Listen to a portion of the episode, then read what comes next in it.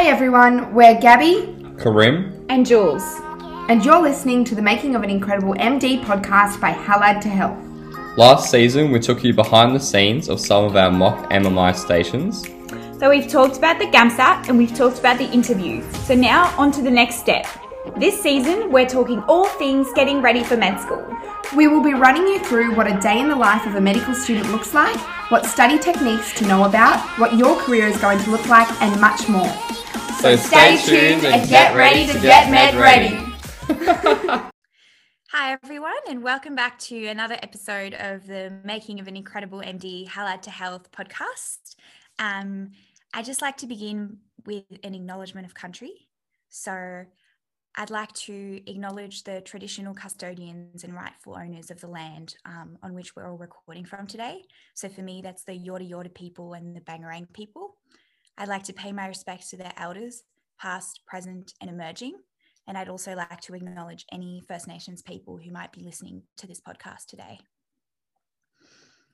All right, so welcome back to um, this episode of the Halad podcast. Um, today we're going to be talking a little bit about the waiting game um, and waiting for, you know, the interview offers and the um, med offers to come out and what that's like and how we all coped with it. Um, we've just finished our little panel series where we talked about each of the different unis and what their courses are like. So hopefully that was a little bit helpful in terms of uh, preferences and alleviated some of the stress that comes with that. Um, but yeah, today we just really want to discuss our little either like last minute practical tips on things to make sure that you do leading up to the your interviews on like the logistical side or just tips on managing the stress and everything like that. Um, so I'll just start with Karim. Um, what kind of advice do you have to people uh, for dealing with, you know, the interviews coming up? Yeah. Um, so obviously everyone's just submitted their applications. Um, in terms of advice for uh, interviews that are coming up, um, you know, obviously everyone's submitted their application, so it's a really tricky waiting period at the moment. Um, and all you can do is sort of just assume that you will get a spot and start preparing for interviews. I remember my friends and I um, just sort of tentatively waiting, but kind of hoping that we would get some interviews um, and preparing for that because the last thing you want is to get an offer and then a couple of weeks later you have to sit the interviews and you haven't practiced anything at all. So just be aware of that that when the offers for interviews to um, when they come out you'll you'll have to um, sit the interviews a couple of weeks later. Um, so it's a really good time to start familiarizing yourself with the process um, and we'll probably make a whole episode on that later down the track. Um, but I think this episode is sort of just to get us talking about what our experiences were like um, in terms of our learning uh, for um, the waiting period that we had, uh, specifically, really the final week um, leading up to submitting your portfolios and stuff. So, for me personally, I was actually really, really, really worried about submitting my portfolio and my um, preferences for GemSAS. And the reason being is because I kept comparing my portfolio to that of other students. And I think it's a really bad idea. Definitely try and avoid doing that as much as possible. Um, it's a little bit toxic energy to try and do that because everyone has different experiences that they can put towards their portfolio. Um, everyone has done different things leading up to you know their their application some people have actually been in the workforce, you know, in healthcare for many years, and so they've got that to back them up.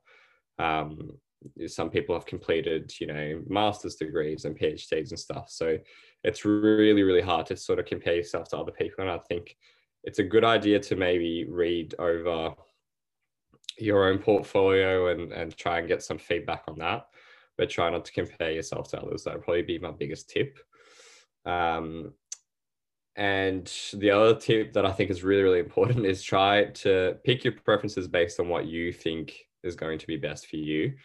Um, I, I've made the mistake of comparing my preferences to that of other people and wondering if I put down the sort of correct preferences that everyone should put down.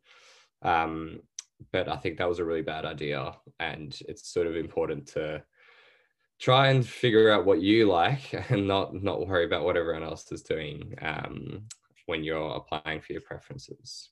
Yeah. But passing back to Jules. So I think one of my biggest tips is actually based on personal experience. Um, it sounds like a really silly one, but a lot of the unis, when they ask you to come in for an interview, they actually um, you have a link or something to confirm that you would like to attend your interview and um, I did not realize this for my Melbourne Uni interview. And something like, for some random reason, the day before I had, so I think you get like a week to confirm. And the day before the week was up, I just thought, oh, I'd better look at my email again. And I was like, oh no, I almost missed out on my interview altogether. So just, you know, make sure that you read, like, because when you get that email saying you got an interview, you'll be really, really excited, right? You'll be like, oh my God, that's so good. And just make sure you read it and check if there are any steps, anything you need to do, anything you need to send because yeah, it would be really silly to miss out for something like that. Um, I was really lucky because I almost did. Um, and then another little practical tip that I have for sort of the week, like for that period between now and interviews, is to try and organize your emails so that you either have sort of like a specific folder that your interview and all of that kind of mail comes through to, or at least you flag it as important. Because if you're like me you get all sorts of random emails coming from all sorts of places. And not only do you not want to miss an important email or an important deadline but you also don't want to be jumping out of your skin every time an email comes through. Um, so that's something that really helped me to kind of have peace of mind is that i had a separate email account for all of my applications to med and that was the account that i checked once a day just to kind of do that and then i wouldn't check it again um, because otherwise i think it can get really anxiety provoking yeah, the other thing I would um mention, sorry there, Jules, um, is be on top of the deadlines yourself and and don't rely on other people for checking your deadlines. I remember one of my friends had a everyone's worst nightmare where they thought that the deadline was a week later than it was and actually forgot to um, submit their GemSAS application so they couldn't apply for med that year and they they were absolutely devastated. Um, you definitely do not want to do that. So make sure that you are on top of your deadlines. You're checking for yourself. You don't rely on other people telling you when the deadlines are, or that your friends will remind you to submit your um, portfolios or your applications because um, not everyone can be so kind. Some I don't want to call out any people, but um, make sure that you're on top of it yourself. I think is sort of my advice. Yeah. Yeah, I think that's some really good um, practical advice. Obviously, all the logistical things um, really do take up a lot of time and effort as well. And I think people underestimate that, but it, it really is like sitting through reading things, reading application requirements, putting in your preferences and things like that take time. Um, but now that you've done that, because we're past the deadline and hopefully all of you got it um, and have submitted it successfully, now is, in my opinion, the hardest part. If you listened to one of our earliest episodes, um, you would have got the vibe that I was um, incredibly anxious the year I was applying for meds um, because I was so scared about deadlines, but also I couldn't stop reading my emails. Like Jules said, I didn't have. Uh, the good self control that she had of only checking it once a day, I was constantly on my phone checking. Um, you know, uh, at work, I would go to the bathroom and like check. I couldn't, I couldn't stop myself. Um, so yeah, it was it was really tough. I lost focus in my studies um, and lost focus in other things in life as well. You know, um, social um, interactions and things like that, any events I had, I was constantly on my phone looking um, for interview offers or if anyone else had gotten anything.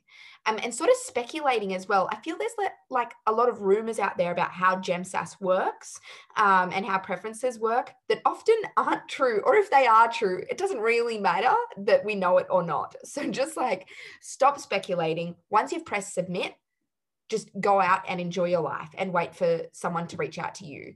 Um, and of course, you know, make sure you read your emails, but don't let it consume you because you've still got to focus on, if you're in your last year of undergrad, you've still got to focus on getting the marks for that. Um, but also, if you do get into med, it's going to be stressful once you get in. So enjoy no stress for as long as you possibly can. Um, yeah, I think it's just learn from us that there's no need to stress and to check your emails a million times a day. But now we've sort of spoken about that a little bit. Um, uh, Jules, did you want to talk a little bit about just once you started the waiting game and how you handled that? Yeah, definitely. So I think for me, it was almost like a little bit more difficult because I had a gap six months for the last half, like the six months before I started med. Um, and so that whole time I was working full time, but I didn't really have any like other stresses to distract me. Um, so I thought about it constantly. And I found that I particularly got stressed after I'd done my interview because I was constantly replaying the interview in my mind. What did I do? What should I have said? Um, so I think a few things is like, first of all, just, you know, thinking about it as like a long period that you're going to be stressful because it's going to be you know four five six months. So having a bit of a think about how you're going to approach that you know make sure that you plan lots of things with friends family social supports um, you know look after yourself exercise all of that good stuff. Um, but also some more like concrete tips in terms of how to manage it. Um, one of the things i will say is that unis don't all release their offers at the same time and that is incredibly anxiety provoking because like especially with gemsas they come out in batches. So you'll hear of someone having gotten an interview or an offer or whatever and you won't have heard anything and you'll be really stressed. And so just remember that generally speaking no news is always good news. Um, and the other thing as well is kind of on the line of what Gabby was saying about checking your phone at work, maybe think about where you want to be when you get those news.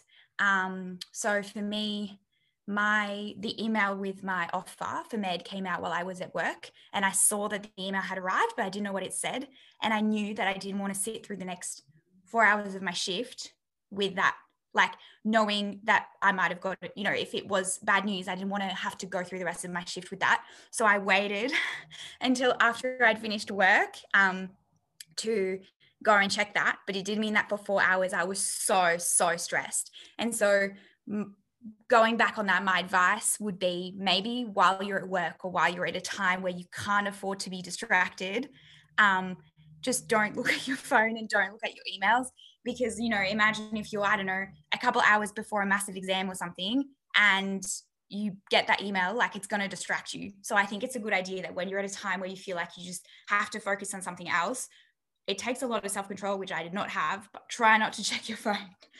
Um yeah uh, Karim and Gabby, do you have any anything to add to that? I, yeah. I also do have a similar story. Sorry, Gabby. I actually, um, when I got my interview offer, I was actually driving. And uh, don't check your emails when you're driving. That's all I can say. On to you, Gabby. oh, oh, bit of a mystery story there. Um, yeah, so it was sort of similar. I um I applied for USyd as well, which comes out a lot earlier. Um, and I'd seen on Paging Doctor that people have gotten offers. And it was like two days after, and I still hadn't heard anything. So I started to think the worst. Like I didn't submit. Karim was laughing because he knows that I was so stressed. So I was like, shit, my application didn't submit. I did something wrong. So I rang the university. and I demanded to speak to someone because I was like, I've not heard anything. I haven't heard a rejection, and rejections had come out. Um, and yeah, and offers had come out as well, but I hadn't heard anything. So yeah, I um hustled USyd. I think I rang them in a week. I rang them maybe five times because my offer came out a week after everyone else's. I'm not sure why, whether I was like at the bottom of the list or or what, but or they just liked torturing me because I honestly and I'm going to reveal something about myself, but I'm happy with the world knowing because hopefully that means that you know, if you're in a similar situation, you can relate. But what I would do, I would get so stressed, but I had so many other things going on in biomed. So I would set a timer, let myself cry for five minutes. And then once I'd finished crying for five minutes, I'd have to get up and study. And I'd listen to the song on the Trolls movie. over and over again, which is like um, it's about getting up again after you fall down. It's very motivational song, but I listened to that all day because I was so stressed and I'd I'd never worked myself up that much. So yeah, if you're feeling that way and you have to set yourself a timer to cry for a couple minutes before you get to do something else, I think that's pretty normal. Well, hopefully it's normal anyway. just to just to put context as well, um, I think Gabby had called USyd so often that every time she called, they kind of just like, "Oh, hey, Gabby." they, they recognized her voice. They started knowing who she was. But yeah, um, yeah. Honestly, try not to stress. That's probably our biggest piece of advice. Um, for me, it was really just uh, checking, checking, paging doctor way too often. Um, I, I became very obsessed with it. I would check it every day, maybe a few times a day and and things wouldn't even change like for several months. I'd just see the same posts because like people aren't posting until things actually happen. Um so yeah it, it just i just became way too obsessed with it which was not good. Um and even after doing the interviews just checking it obsessively because waiting for the um actual offers to come out as well. So that was also pretty stressful. Um but yeah try try to have a bit more discipline than we did. Um we definitely struggled um, I will say that I think if you have just submitted your application um, for GemSAS to try and take some time off before getting into your interview prep. I know that some of my friends and I started very, very early. Um, I actually almost regret how early I started because I just added so much extra stress to my year that I didn't need to. So I started preparing for interviews sometime in February, like literally right at the start of semester of my final year of undergrad, um, which I didn't need to. I think I, I think I think we started preparing a bit too early, which just added more stress. On top of other things, you know, you're usually pretty busy with other like uni stuff at that point. So yeah, try to have a good balance. Do some prep. Don't go too overboard. Um, I think that'll probably be my biggest piece of advice there as well. I think also one thing that I've been realizing since doing this course is that in med, like in medicine as a career, there are going to be so many times where you're anticipating results or things to come out. Like you know when you apply for your internship you don't know where you're going to go you're waiting for you know you have to apply for things. And then once you start deciding to apply for a specialty you're going to be waiting to hear if you get into that specific training or whatever. And so i think starting early with some coping mechanisms for waiting for news like this to come out is probably a good idea. Um, because i definitely approached it at the time as sort of like this is one of the most stressful times that I'm going to have. And then after that, you know, everything will be smooth and it isn't. So I think just getting into the habit already of just compartmentalizing your life so that you can cope and exist and work and whatever in spite of being anxious about something that's going to happen is probably a good a good thing to get in. Yeah, absolutely. Um, so yeah, we've spoken a lot about um, really helpful tips, um, a little bit of unhelpful uh, stories by me, but hopefully it helps you feel a little bit more um, sane if um, you're going through something a little bit similar to that. Um, but to summarize some of the things we spoke about is basically don't get obsessed over emails and checking resources like paging doctor. Um, have something else outside of med, outside of applications that you can look to to sort of de-stress and and distract yourself a little bit. Um, make sure you turn your phone off or your notifi- notifications off if you need to focus on something else, you know, like exams for biomed, work, family events, even, or friends, you know you don't want to be worrying about that when you're with your loved ones as well. And if you do start interviewing uh, prepping for interviews make sure you have a break first and then get into it because you probably will run out of resources. Um, and also you know you need to give yourself time to relax and also think about why you're doing med what you want to get out of a career in medicine and all those important things that you need to be sort of self-aware once you get into interview prep and we will have some episodes um, down the track about preparing for interviews. And um, what we did last year is we actually had some mock MMI stations on our podcast.